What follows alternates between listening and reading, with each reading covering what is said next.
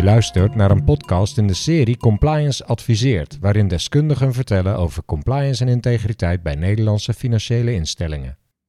Mijn naam is Frederik van Binnenbeke en vandaag ga ik in gesprek met Alexander McLean, Chief Compliance Officer van de wereldwijde financiële dienstverlener Egon. In de afgelopen 33 jaar heeft hij zowel legal als compliance rollen gehad. De taal van de klant kent hij ook, want hij was bij KPN onder andere accountmanager. Alexander is ook maatschappelijk betrokken. Zo is hij actief geweest in de politiek en collecteert hij voor het leger des Heils.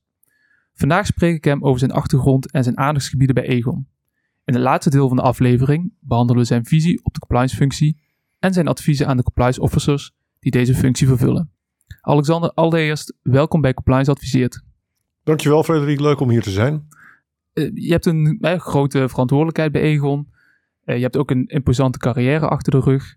Maar wat mij intrigeert is, hoe word je nou Chief Compliance Officer? Ik denk dat een loopbaan eigenlijk altijd aan, aan, elkaar hangt van deels toeval, deels op het goede moment op de goede plaats zijn. Mm -hmm. En wat je er zelf aan kunt toevoegen is natuurlijk dat je voldoende nieuwsgierig bent, dat je voldoende ijver toont en dat je ook je vinger opsteekt als er, als er iets gebeurt of, of als er een uitdaging uh, wordt gepresenteerd. En ik denk dat dat alles bij elkaar heeft, denk ik, uh, mijn loopbaan in ieder geval uh, zo gemaakt zoals die is. Ja. Um, en dat is eigenlijk vrij natuurlijk gegaan steeds. Ik vond het leuk, dat heb ik in, in, in, in mijn diensttijd al gemerkt om leiding te geven.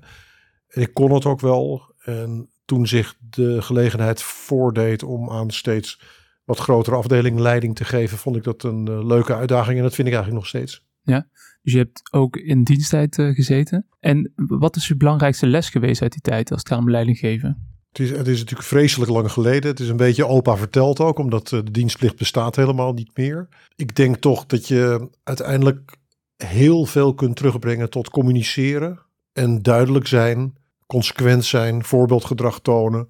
Al die dingen een beetje bij elkaar. Mm -hmm. Dus was, uh, was het ook een lastige doelgroep om leiding aan te geven in die tijd? Ja en nee.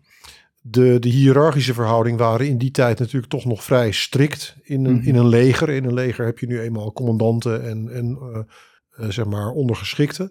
Dat maakt het wel makkelijk. Aan de andere kant gaf ik vooral leiding aan heel erg laag geschoold personeel. Want wij kregen mm. een beetje de laagst ingeschatte uh, recruten. En je had natuurlijk ook het fenomeen dat je als dienstplichtig officier met een opleidingje van vijf maanden leiding ging geven. Deels ook aan mensen die al uh, een lange professionele carrière binnen het leger uh, hadden gemaakt. Ja, oh, spannend ook lijkt me dat. Ja, ja maar ook leuk en, en ook wel weer plezierig als je, als je met elkaar de modus hebt gevonden om, uh, om uh, samen te werken. En dat lukte steeds goed, ook door de samenwerking met, uh, met de onderofficieren, die dat ook natuurlijk professioneel wel, wel weer gewend waren. En, en was dat voor je studie of na je studie, de diensttijd? Middenin mijn studie eigenlijk, omdat ik, ik heb eerst geneeskunde gestudeerd. En toen ik aan het eind daarvan ontdekte dat ik toch mijn carrière een andere wending wilde geven, ben ik rechten gaan studeren. En tijdens rechten heb ik eigenlijk dienst gedaan. En, en wat maakte dat je de switch maakte van geneeskunde naar rechten? Dat is bijna een filosofische vraag. Hè? Hoe goed ken je jezelf? Ik denk dat ik wat lichtvaardig de keuze heb gemaakt om rechten te gaan studeren.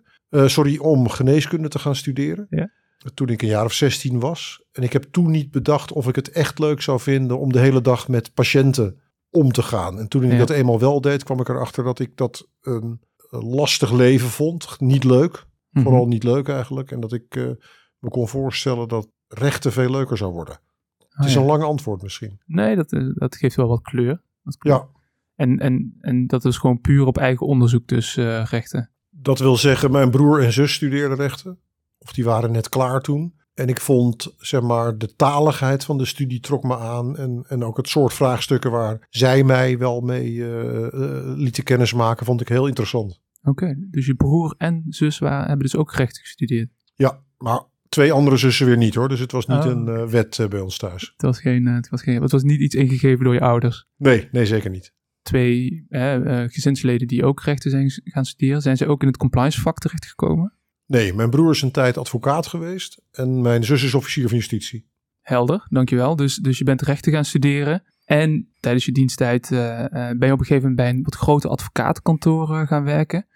wat was dat voor een omgeving en wat was dat voor een bedrijf? Nou, we hebben het over eind jaren 80, begin jaren 90. Toen waren grote advocatenkantoren waren wat nu middelgrote kantoren zijn. Het is een andere dimensie. Ik was geloof ik, in die tijd had je ook nog het fenomeen dat alle advocaten op het briefpapier stonden. Dus ik was de, twintigste op het briefpapier toen ik begon. Dat was een eh, kantoor in, eh, in Amsterdam Centrum. Ik heb toen ik afstudeerde aan alle kantoren in Amsterdam gewoon een brief geschreven, een open sollicitatie, de grotere kantoren. En ik werd voor een paar uitgenodigd en uh, daar is toen een baan uitgerold. Ja, ja. En, en wat, voor, wat voor opdrachten deed je? Ik zat in eerste instantie in een wat algemeen ondernemingsrechtelijke sectie. Het was toen gebruikelijk om twee secties te doen in je stage van drie jaar. Dus anderhalf jaar algemene ondernemingsrechtelijke praktijk, anderhalf jaar een wat meer op schade en aansprakelijkheid uh, gerichte praktijk. En daarna ben ik weer teruggegaan uh, na mijn stage in de algemene ondernemingsrechtelijke praktijk en heb ik nog een paar jaar uh, advocatuur gedaan. Daarna ben ik het bedrijfsleven ingerold. Ja, ja. En, en, en nu in je, in je rol als eh, Chief Compliance Officer, zijn er nog lessen uit die tijd die je nog steeds meeneemt in je, in je huidige praktijk? Ik denk wat je als advocaat bij een wat groter kantoor heel goed leert, is uh, je gedachten op papier zetten. Een brief of een stuk te maken met een kop en een staart en een, en een lijf als het ware. Dus het probleem echt goed analyseren en echt goed uitwerken in een notitie waar iemand wat aan heeft. Dat leer je echt goed in de advocatuur. Wat je ook natuurlijk leert is hard werken en niet terugschrikken voor een uh, stukje verantwoordelijkheid. In die zin, op een gegeven moment ga je de rechtszaal gewoon in namens de cliënt, die een groot belang heeft meestal bij de zaken die je op dat moment moet uh, bepleiten. Uh, en, en dat, dat leer je ook nooit meer af. En dat, dat schrijven, dat, dat, dat lijkt wel iets belangrijks te zijn binnen compliance. Hè? Hoe, als je terugkijkt nu de afgelopen 15 jaar, wat, wat, wat kun je zeggen over de gemiddelde schrijfkwaliteit van de compliance officer? Ja, of ik iets over het gemiddelde kan zeggen, dat, uh, dat, dat weet ik niet. Uh, het, het, is eigenlijk net zoals uh, toen ik begon op, op mijn kantoor. In het begin kun je dat nog niet en daar moet je vrij stevig op worden, worden getraind. Of ik iets zou durven zeggen over, het gemiddelde, over de gemiddelde kwaliteit. Wat ik merk is, ik, ik neem mensen van verschillende achtergronden aan. En die hebben ook daar verschillende vaardigheden in, maar ik kan daar geen lijn in ontdekken. Ik heb nu bijvoorbeeld een tijdje geleden iemand van Internal Audit aangenomen. En zij is bij uitstek enorm gestructureerd in, eh, in, in haar aanpak en ook in eh, de verslaglegging daarover. Ik heb ook iemand aangenomen die juist vanuit een wat meer uh, public relations-achtige sfeer komt binnen ons bedrijf. En die is juist weer heel van nature of, of, of van opleiding heel goed in het adresseren van de uh, ontvanger van de boodschap en daar hmm. rekening mee te houden. En als je dat zo dan bij elkaar kunt brengen in een team, dan, dan krijg je een uh, hele goede mix, vind ik. Ja, want je hebt zelf ook een uh, interessante mix hè, aan ervaring. Je hebt niet alleen maar in de compliance vak gezeten, je hebt ook juridische rollen uh, vervuld. En je hebt in de business gewerkt, in de eerste lijn.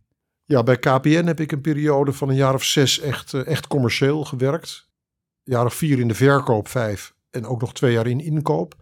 Mhm. En het was echt puur commercieel. Dat vond ik uiteindelijk ook het, het, minder aantrekkelijke eraan. Dat je aan het eind van de rit gaat het daar echt alleen maar over de financiële resultaten. Had ik het gevoel.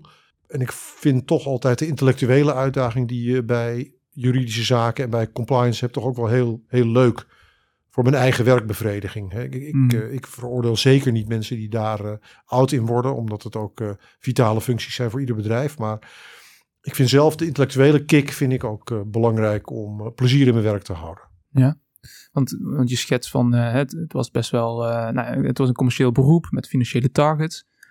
kun je je een situatie herinneren waarvan je dacht van ja, zie je, nu draait het echt alleen om de targets?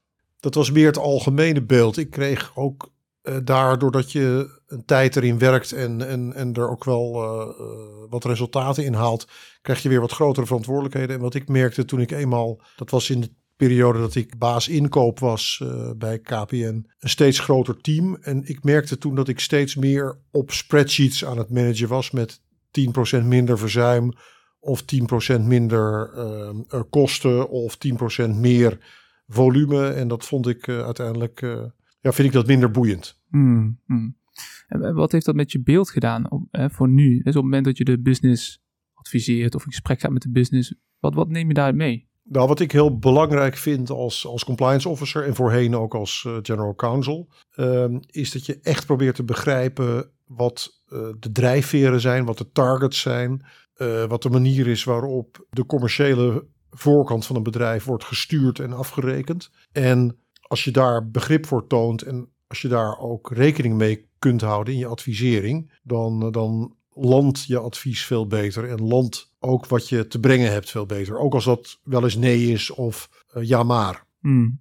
En betekent dat ook dat, dat je onderscheid kunt maken in goede drijfveren en verkeerde drijfveren? Bedoel je of ik dat kan maken? Of, ja, dus op het moment dat je, want je zegt van, uh, hè, dus de, de, dat, je, dat je beter begrijpt wat de drijfveren kunnen zijn van een eerste lijn. Ja. Betekent dat ook dat je beter kunt inschatten van ja, dit is de juiste uh, drijfveer en dit is de minder goede drijfveer? Dat betwijfel ik. Ik, ik denk elke drijfveer kan ook weer verkeerd gebruikt worden en, en goed gebruikt worden. Ik ben niet speciaal tegen sales targets, ook niet als daar variabele beloning tegenover staat. Het moet wel, uh, het, het, moet niet alleen maar digitaal zijn. Ik denk dat, dat dat altijd fout is. Dat als het alleen maar gaat over volume, of als het alleen maar gaat over uh, uh, één bepaald product, dat, dat kan in onze wereld bijna nooit een goed target zijn. dus je zult daar altijd elementen van kwaliteit, van goede advisering bij moeten betrekken. En dat moet je dan ook op een of andere manier meetbaar maken als je dat ook variabel zou willen belonen. Maar ik, ik, ik aarzel om te, te zeggen dat er, dat er per definitie verkeerde of goede drijfveren zijn. Dat denk ik niet. Mm. Vind je dat wel overigens een rol van de compliance officer? Dat, dat diegene ook adviseert over hè, hoe zijn de targets tot stand gekomen? Zitten daar ook kwalitatieve targets in? Ja, dat, ja, dat, dat uh, zeker. Uh, wij bemoeien ons uh, bij Egon ook met uh, de variabele beloning, zowel in het kader van de target setting, maar ook in het kader van de daadwerkelijke uitbetaling en, en, eventueel ook clawback van, van uitbetaalde variabele beloning. Ja. ja. Je bent dus uiteindelijk bij terechtgekomen bij Egon, maar je hebt daarvoor natuurlijk nog een stap gemaakt naar de financiële wereld, hè? van KPN ja. naar de financiële wereld. Ja. Dat, wel, welk bedrijf was dat? Dat was bij ING Bank. Daar ben ik uh, eerst uh, een aantal jaren General Counsel ING Bank Nederland geweest. Daarna een tijdje Deputy General Counsel en daarna nog een tijdje Hoofd Compliance Nederland. Wat is, wat is het meest opgevallen tussen die twee werelden? Hè? Dus de KPN, zou je kunnen zeggen, hè? de telecommunicatie, algemene corporate, naar de financiële wereld. Wat, wat, wat is je meest opgevallen? Wat we daarin het meeste opviel, is de hoeveelheid regelgeving bij de financiële wereld, maar ook de invloed van de autoriteiten, dus met name dan de AFM en de Nederlandse Bank in het geval van ING Bank Nederland. En intussen is daar natuurlijk de ECB bijgekomen en bij Egon, omdat Egon ook een belangrijke presentie in Amerika heeft, ook de, de, de Amerikaanse autoriteiten. En wat je wel zag toen, toen KPN uh, op een gegeven moment uh, verzelfstandigde en ook veel te maken kreeg met de Opta uh, als toezichthouder en met regelgeving, omdat ze natuurlijk in zekere zin een monopoliepositie hadden uh, was dat toch bij de financiële bedrijven waar ik heb gewerkt echt nog veel sterker. Nog voor mij en de, en de gemiddelde luisteraar, de Opta, wat is dat voor een... De Opta, dat was de toenmalige toezichthoudende autoriteit voor post en telecom en die is intussen opgegaan in de ACM. Ah, autoriteit Consument en Markt. Consument en Markt, ja. ja. ja. En bij ING was je dus actief als General Counsel. Op een gegeven moment heb je natuurlijk de stap gemaakt naar compliance. Hoe is die stap tot, uh, tot stand gekomen? Ja, aan het begin van het gesprek had ik, had ik het er al over dat mijn, loopbaan een deel van toevalligheden en van af en toe mijn vinger opsteken aan elkaar heeft uh, gehangen. En toevalligheden, dat, dat speelde hier ook weer een rol. Op het moment dat ik bij de groep Deputy General Counsel uh, was, kwam op een gegeven moment uh, de vacature van hoofdcompliance ING Bank Nederland beschikbaar. En dat was op het moment dat het weer tijd werd voor iets, iets nieuws. Dat, dat, dat is nu eenmaal zo, eens in de zoveel jaar. En uh, daar ben ik toen ingesprongen. Voor welk jaar hebben we het dan? 2014. 2014, oké. Okay. En 2014, ik kan me voorstellen dat het compliance vak wel een ontwikkeling heeft gemaakt in die afgelopen 6, 7 jaar. Een enorme ontwikkeling. En ik denk dat die bij de banken iets sneller is gegaan dan bij de verzekeraars. Bij de verzekeraars is het intussen wel ook uh, enorm doorgedrongen. Wat je met name merkt is dat uh, financiële criminaliteit heeft natuurlijk heel veel aandacht gekregen door de grote zaken die er uh, zijn geweest. En daarnaast, waar we het er net al even over hadden, de enorme hoeveelheid regelgeving die is gekomen. En die ook aan compliance bepaalde specifieke bevoegdheden en opdrachten geeft. Die hoeveelheid regelgeving, die vind ik interessant. Want heeft die het compliance vak daadwerkelijk ook beter gemaakt? Ja, de one million dollar question is dat bijna. Er is hoe dan ook echt veel te veel regelgeving. Ik vind dus ook dat we met elkaar bij elk nieuw stuk regelgeving zouden moeten bedenken: is het echt nodig om nieuwe regelgeving te maken of zouden we ook bestaande regelgeving kunnen aanpassen?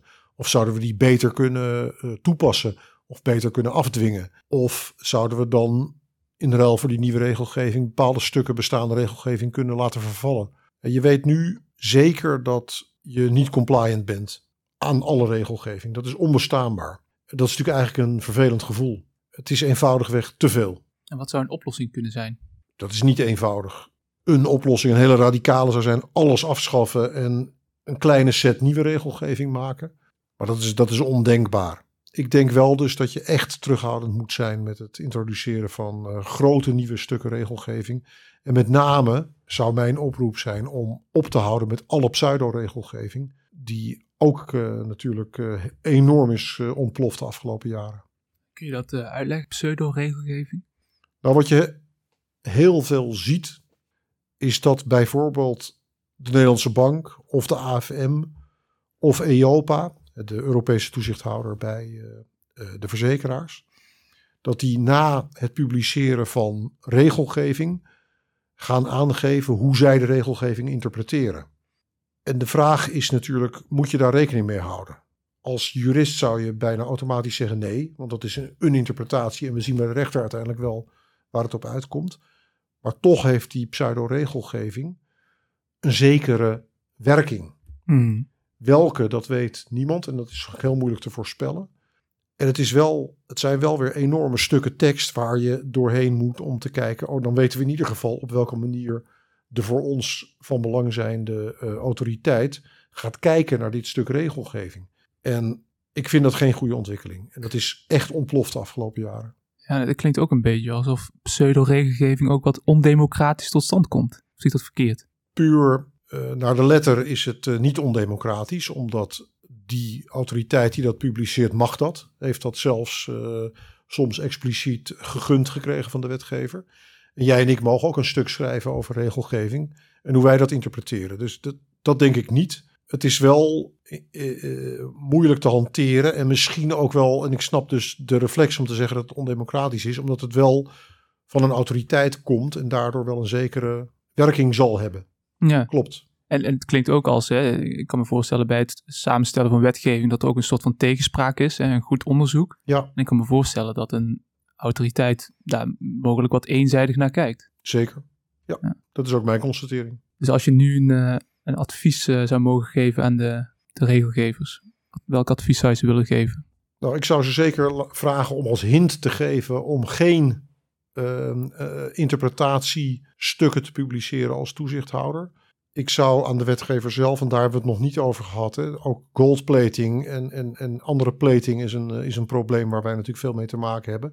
En dat als er eenmaal overkoepelende Europese regelgeving is, dat dan ofwel de Nederlandse wetgever ofwel de Nederlandse autoriteiten de neiging hebben om daar iets naast, bovenop, schuin bovenop uh, te, te zetten.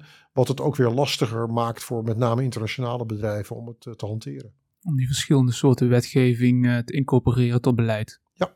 Om nog even terug te komen op je carrière. Dus we hebben gezien dat je bent gestart bij een advocatenkantoor van KPN en ING. Inmiddels bij Egon natuurlijk. Um, als je terugkijkt, wat, wat heb je ervaren als um, nou ja, je, je mooiste prestatie? Eigenlijk zou ik moeten zeggen dat die nog moet komen natuurlijk. Omdat ik, uh, ik heb veel plezier in mijn werk. Een, een periode die er echt wel uitspringt is, uh, is de periode bij ING toen uh, het besluit was genomen om Postbank en ING Bank te fuseren. En ook Westland Utrecht Bank was daar min of meer bij betrokken. Is pas later juridisch weggefuseerd. Maar in die tijd hadden we een enorm project binnen, binnen ING om die fusie in goede banen te leiden. En zeg maar, alle bankproducten van die beide banken moesten bij elkaar worden gevoegd. Zowel voor wat betreft uh, voorwaarden, uh, maar ook praktisch natuurlijk. Maar voor ons uh, als juridische afdeling betekende dat enorm veel werk aan contracten en, en terms and conditions. En ook heel veel interactie met de business, omdat bij wijze van spreken Postbank had tien spaarproducten en ING-bank in mijn herinnering nog veel meer, omdat die veel maatwerk leverde. En dat moesten uiteindelijk zeven ING-bankproducten worden. En dus we moesten ook goed nadenken over hoe we de klanten, klanten konden migreren of verleiden of op een of andere manier uh, leiden naar die nieuwe producten. Mhm, En dat, was, eh, dat was een hele leuke tijd waarin we met elkaar ontzettend veel werk hebben verzet in ongeveer anderhalf jaar om die fusie in, eh, in goede banen te leiden. Als je nu terugkijkt eh, met je compliance bril, wat, welk risico lag er op de loer? Nou, een risico dat we toen ook heel goed hebben onderkend is eh, het risico eh, dat, dat, dat verband houdt met, met klantbelang.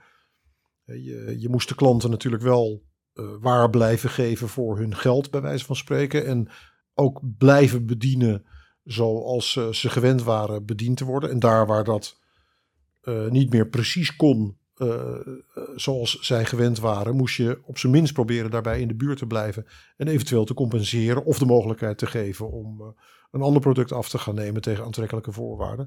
Dus daar hebben we toen met elkaar goed op gelet. Mhm. Ik kan me voorstellen dat ook in je huidige rol, hè, dus het klantbelang centraal, natuurlijk ook een ontzettende belangrijke rol speelt. Hè, omdat verzekeringsproducten natuurlijk voor een lange tijd spelen. Ja, absoluut. Heel veel verzekeringsproducten eh, hebben tientallen jaren hun werking. Dus je moet ook proberen na te denken over eh, wat er over 10, 20, 30, 40 jaar ehm, gezegd zou kunnen worden over de dingen die je nu op de markt eh, zet. Daar hebben wij natuurlijk een, eh, een, een, een, een, kater gehad eh, met de Woekerpolis en vergelijkbare producten. En daar hebben we ook van geleerd, denken we en hopen we. Mhm. Ehm, eh, dus dat is inderdaad een belangrijk deel van het portfolio. Het is wel iets, hè, ik werk bij Egon Groep. Dit is iets wat zeg maar, in zijn praktische uitwerking meer bij de landen units eh, zit. Ja, precies, begrijpelijk. We komen daar zo meteen nog even op terug. En ik zal voor de luisteraars ook even Egon introduceren. Dan weten ze ook over welk bedrijf we het hebben. Ehm, Egon is een wereldwijde financiële dienstverlener in verzekeringen, pensioenen en investeringen. Egons kernlanden zijn de Verenigde Staten, Nederland en het Verenigd Koninkrijk. Daarnaast heeft Egon een aantal groeilanden, namelijk Brazilië, China, Portugal en Spanje. En in totaal heeft Egon 30 miljoen klanten. En in 2020 behaalde het een omzet van 26,7 miljard euro. Dat zijn ontzettend veel klanten en behoorlijke omzet. Eh, als, ik, als we kijken naar de producten van, van Egon en, en de diensten, waar moet ik dan aan denken? Dat verschilt een klein beetje per, eh, per land ook. Maar over het algemeen, dus verzekeringen kun je, kun je een beetje uiteen laten vallen in eh, levensverzekeringen en eh, schadeverzekeringen. Eh, dus, dus, dus verzekeringen eh, tegen, tegen schade door overlijden, schade door brand of, of inbraak of, of botsingen met, met de auto, et cetera. Daarnaast doen we veel dus aan pensioenen. Dus je legt premie in en je hoopt over 40 jaar daarvan een plezierig pensioen te krijgen. Als je 25 bent. En we doen ook beleggingen. Die doen we zowel voor verzekeraars, maar ook voor andere investeerders. Eh, ook pensioenfondsen. Dus tot nu toe hoor ik dus eh, eh, verzekeringen, pensioenen en beleggingen. Ja, dat zijn de drie kernactiviteiten van Egon. De laatste die zijn dan wat meer institutioneel ge- gericht, die beleggingen. In Nederland is die praktijk heel institutioneel geconcentreerd. In de Verenigde Staten en in het Verenigd Koninkrijk hebben we ook eh, veel eh, investeringsproducten voor particuliere eh, klanten. Die dan investeren voor ofwel hun pensioen ofwel voor een ander doel dat wat dichterbij zou kunnen liggen. En, en als we dan even uitzoomen, hè, dus weer terug naar de groep, zeg maar. Wat, als je kijkt naar de Egon groep, wat zijn dan hè, voor verzekeringsbedrijven Egon de belangrijkste risico's, hè, de belangrijkste compliance risico's die kunnen spelen? Als je naar mijn top drie of vier van de afgelopen paar jaar en de komende paar jaar kijkt, dan zou die denk ik als volgt eruit zien. Privacy is een belangrijke en blijft een belangrijke. Eh, financial crime, eh, dus het goed in de gaten houden van wie we in de boeken hebben en waar onze geldstromen naartoe gaan en vandaan komen. Ook onze samenwerking met adviseurs, hè, intermediairs, is een belangrijk aandachtsgebied van compliance. En over het algemeen ook de, de, het producttoezicht dat we uitoefenen. Dus dat, dat zouden ze zijn, denk ik. En, en met betrekking tot die financial crime, hè, dat is natuurlijk een thema dat nou ja, de laatste jaren in, in, in- de wereld, maar ook zeker in Nederland natuurlijk een ontzettende vlucht heeft genomen qua aandacht, qua, qua schikkingen. Hoe, hoe zit dat bij, bij Egon? Wat, wat moet ik me daarbij voorstellen als het gaat om financial crime? Als je het hebt over Egon Nederland, dan, eh, dan heb je eigenlijk twee kanten van ons bedrijf. We hebben een bank in de gelederen, wij hebben KNAP. Ja. Ehm, En, en, en een bank is per definitie een hoogrisico-omgeving voor uh, misbruik, voor witwassen of uh, terrorismefinanciering. Verzekeraar is dat inherent veel minder. Uh, dat is een laag risico-omgeving, maar ook daar moet je natuurlijk goed weten wie je in de boeken hebt. En of daar niet geldstromen ontstaan of aanwezig zijn die toch kunnen wijzen op witwassen of terrorismefinanciering. Dus, ja. Maar voor de bank is het probleem of is het, is het risico veel hoger? Dus daar moet je ook een hogere uh, zeg maar, uh, uh, alertheid hebben. Ja, ja, absoluut begrijpelijk. En, en als je kijkt naar de verzekeraar, hè, ik, ik heb zelf bijvoorbeeld een CAMS-opleiding gedaan. En daar zie je wel wat, wat methode en typologie in terug. Um, maar hoe zit dat in de praktijk? We hebben wel een paar voorvallen gehad van gesanctioneerde partijen. witwassen heb ik nog niet belangrijke voorbeelden van gezien. We hebben in enkele jurisdicties wel te maken gehad met hoge contante stortingen. En daar hebben we op een gegeven moment een eind aan gemaakt. Uh, maar verder eigenlijk heel weinig. Oké, dus dat zijn de, hè, de vier belangrijkste compliance uh, risico's uh, die je ziet bij Egon Groep. En hoe organiseer je de compliance functie dan naar deze risico's? Met andere woorden, hoe is jullie compliance functie georganiseerd? We hebben een relatief bescheiden team op het hoofdkantoor.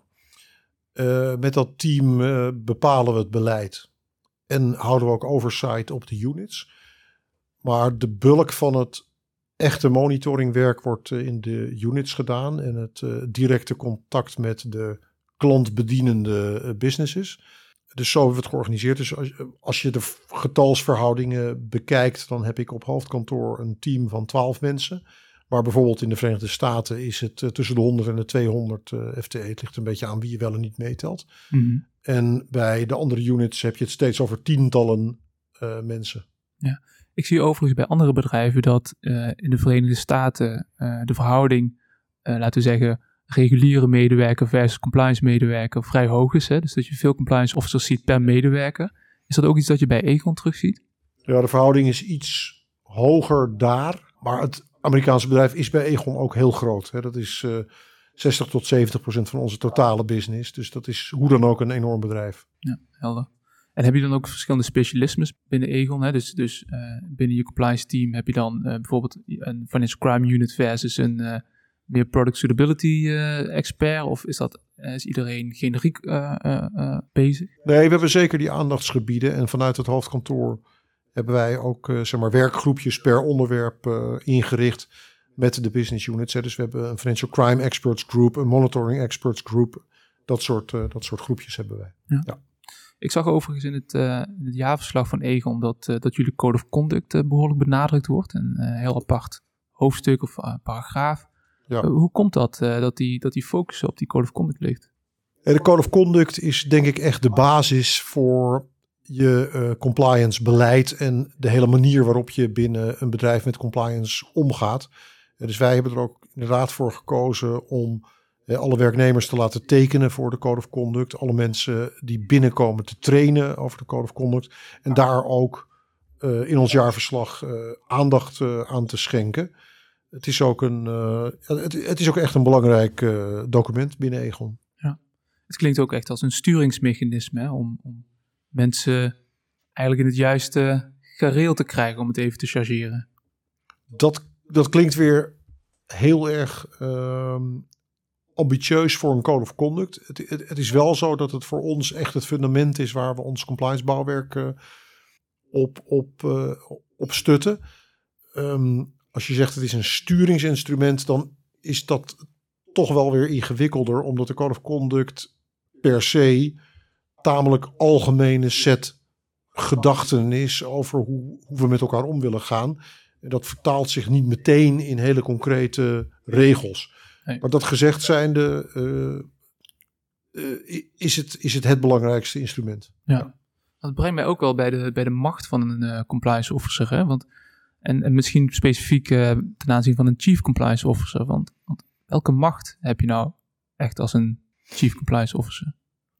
Ik ben tweede lijnsfunctionaris. Dus dat betekent al meteen dat je niet echt aan het stuur zit van het bedrijf, maar een tweede lijnsrol vervult. Dat gezegd zijnde, als ik iets rapporteer en ik rapporteer iets knalrood, dan ontkomt niemand er binnen het bedrijf aan om actie te ondernemen. Dus in die zin hebben we macht als uh, functie. Tegelijkertijd is het ook weer zo dat als je een slechte leiding zou hebben bij een bedrijf, en die haalt zijn schouders op bij wat je ook rapporteert, dan, dan heb je als compliance officer weer heel weinig macht. Dus het is voor een deel push en pull. Maar tegelijkertijd, omdat mijn rapport natuurlijk ook wordt gelezen door de Raad van Commissarissen, maar ook door de Nederlandse Bank en door onze externe auditor, heb, heb ik een zekere macht. Hmm. Uh, dat betekent ook dat je die natuurlijk subtiel moet gebruiken of gedoseerd moet gebruiken en weet wanneer je die inzet en wanneer je wat meer informeel uh, je invloed gebruikt. Ja. ja, want daar ga je dus zorgvuldig mee om. En, en wat je net vertelde is natuurlijk wel interessant, want mogelijk zijn er luisteraars die zeggen van ja, ik rapporteer met ons, maar uh, het bestuur doet er niks mee. Hè? heb je adviezen voor, voor deze luisteraars? Als het niets is en dat blijft zo, dan is er uiteindelijk natuurlijk maar één optie. Dat is uh, het bekende optreden of aftreden. En als je dan hebt opgetreden en dat werkt niet, dan moet je aftreden. Dat zou tegelijkertijd ook een enorm machtsmiddel zijn. Hè? Want stel dat ik vandaag zou aftreden en met de deur zou slaan en dat ook zou melden. En je krijgt, je krijgt zonder meer een exit interview uh, als je, als je vertrekt. Dan zou dat een enorme impact kunnen hebben.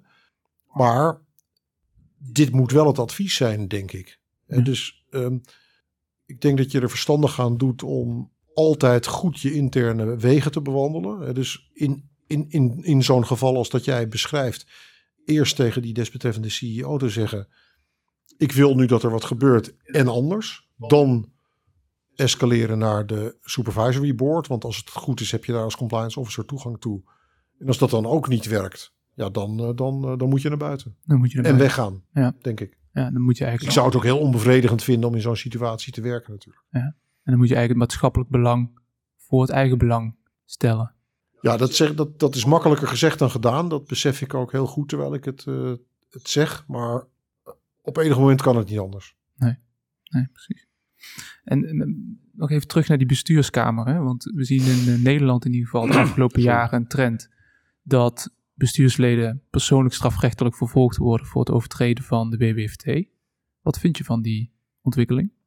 Ook hier krijg je weer, dat is misschien juristen eigen hoor, of misschien is het mij eigen, een, een, een, een wat um, dualistisch antwoord op. Hè. Je kunt niet ontkennen dat het een versnelling heeft gegeven.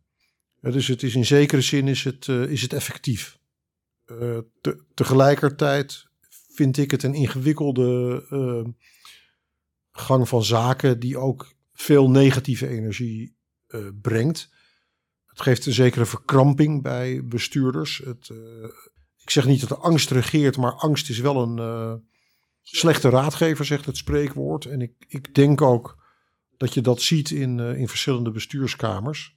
Dus ik, ik aarzel bij het beantwoorden van die vraag. Ik, ik zou het beter hebben gevonden als we een hele zware sanctie vanuit de Nederlandse bank zouden hebben gezien. Met bewijs van spreken een voorwaardelijke intrekking van de vergunning.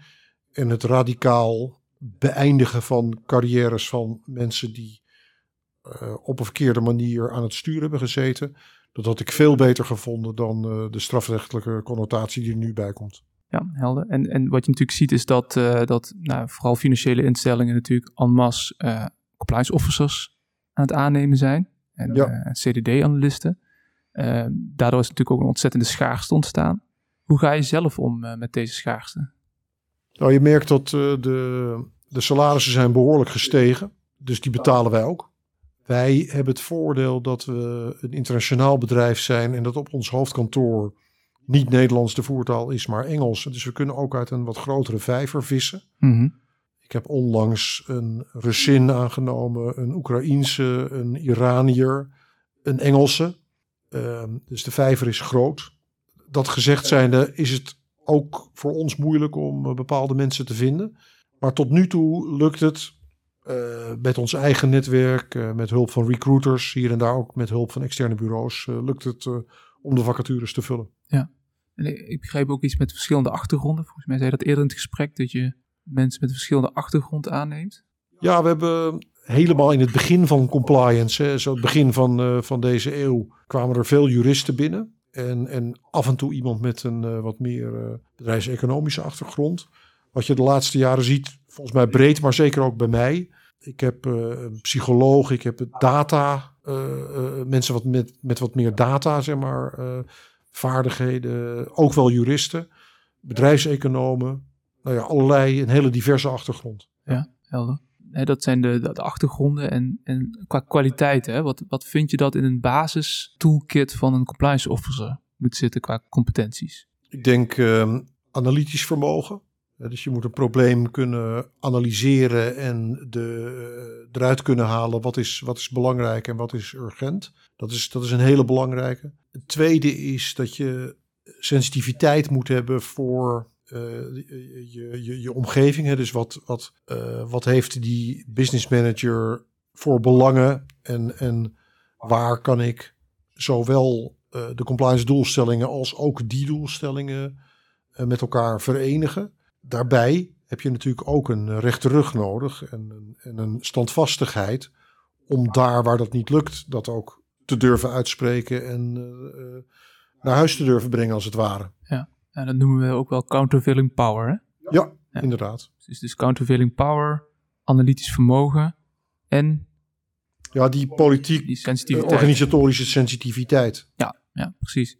En, en als we vooruitkijken, de wereld verandert om ons heen. Hè? Sommige mensen zeggen sneller dan ooit. De vraag is of dat waar is natuurlijk. Maar als we vooruitkijken, wat, wat zie je dan aan ontwikkelingen binnen het compliance vakgebied en welk gevolg heeft dat voor een compliance officer? Ik denk twee dingen. Ik denk dat onze, onze rapportages nog meer data gedreven en data gestuurd gaan worden. En de tweede die ik wil noemen is dat je moet nadenken over hoe over vijf jaar wordt gekeken naar de producten van nu, de voorwaarden van nu, de advisering van nu. Wat is dan belangrijk? En de makkelijke zijn misschien, als je daar nu over nadenkt, sustainability, klimaat, cyber, privacy. Maar zijn er ook nog andere? Zijn er nog moeilijkere? Zijn er misschien nog dingen die nog iets verder in het verschiet liggen? Maar je weet nu al dat je over vijf jaar gaat worden afgerekend op wat je vandaag onder de voorwaarden van vandaag en met de informatie van vandaag aan de man hebt gebracht. En uh, daar moet je dus ook over nadenken. Dus je zegt eigenlijk dat de tijdsgeest kan veranderen en dat je dus eigenlijk vooruit moet blikken en vervolgens terug moet blikken om te kijken of de producten die je nu ontwikkelt en de producten die je nu aanbiedt ook over vijf jaar nog passen in het tijdsbeeld en wat dan de normen en waarden zijn van de maatschappij. Ja, ja. Dat lijkt me best wel ingewikkeld. Ja, nee, dat is ook ingewikkeld. Het is zelfs ondoenlijk, maar je moet het toch proberen. Ja, ja. mooi. Ik zie, uh, ik zie de tijd en dat betekent uh, dat, uh, dat we aan het einde lopen van dit interview. Mijn collega Erik die stelt altijd de vraag, hè, wat adviseer je compliance officers? Ik zou hem hier zou ik hem nog iets specifieker willen maken.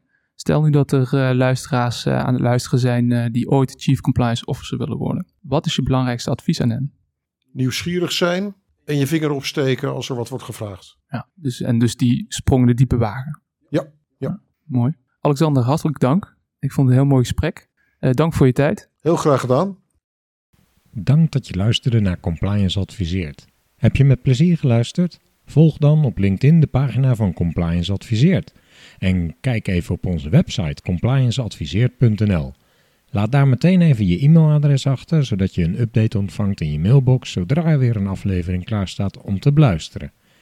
Heb je een vraag of aanvulling? Laat dan ook even een reactie achter op de LinkedIn-pagina of de contactpagina op onze website. Ik zal het met plezier lezen en wellicht kunnen we op die manier nog meer compliance kennis delen. Heel graag tot de volgende podcast.